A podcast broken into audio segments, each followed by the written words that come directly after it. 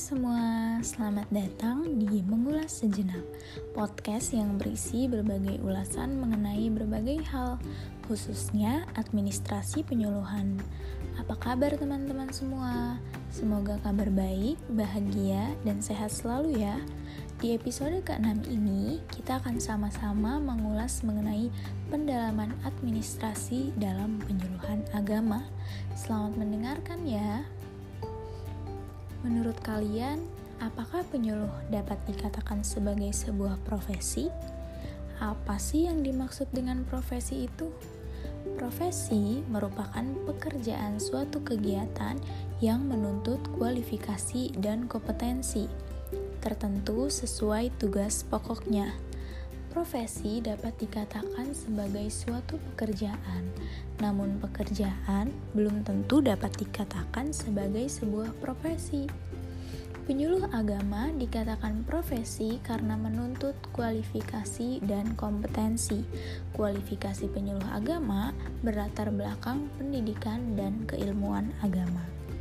Terdapat dua tugas pokok dari seorang penyuluh agama yaitu tugas agama dan tugas negara. Tugas agama yang dimaksud adalah sebagai amar ma'ruf dan nahi munkar. Sedangkan tugas negara adalah melakukan bimbingan dan penyuluhan agama serta konsultasi dan pembangunan melalui bahasa agama. Maka dari itu, dalam hal ini dijelaskan bahwa penyuluh agama bisa dikatakan sebagai dai atau ustadz, tetapi seorang ustadz atau dai tidak bisa dikatakan sebagai penyuluh agama. Kemudian terdapat beberapa tugas, peran, dan fungsi dari seorang penyuluh agama, yaitu bertugas sebagai pembimbing agama, penyuluhan agama, konsultasi atau arahan agama, serta pembangunan dengan bahasa agama, berperan sebagai komunikator, edukator, fasilitator, motivator, inisiator, juga stabilisator, serta memiliki fungsi informatif, edukatif, konsultatif, dan advokatif. Seorang penyuluh agama tentunya perlu memiliki beberapa, beberapa kompetensi yang sesuai dengan ranahnya, yaitu administrasi penyuluhan, komunikasi penyuluhan, substansi penyuluhan, pengembangan profesi penyuluhan, serta berkepribadian yang baik dan teladan. Dalam proses penyuluhan agama, terdapat beberapa evaluasi, di antaranya yang pertama, evaluasi program, yaitu penelitian, yaitu penilaian terhadap program bimbingan. Yang kedua, evaluasi proses, yaitu penilaian terhadap pelaksanaan tugas, dan yang terakhir, evaluasi hasil, yaitu penilaian terhadap seluruh kegiatan yang dilakukan. Dalam menjalankan sebuah penyuluhan agama pada masyarakat, terdapat cara atau teknik yang perlu di, yang perlu dilakukan.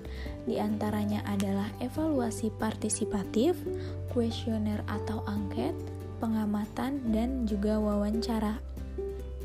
Penyuluh agama memiliki jenjang jabatan, di antaranya adalah penyuluh agama terampil dan penyuluh agama ahli.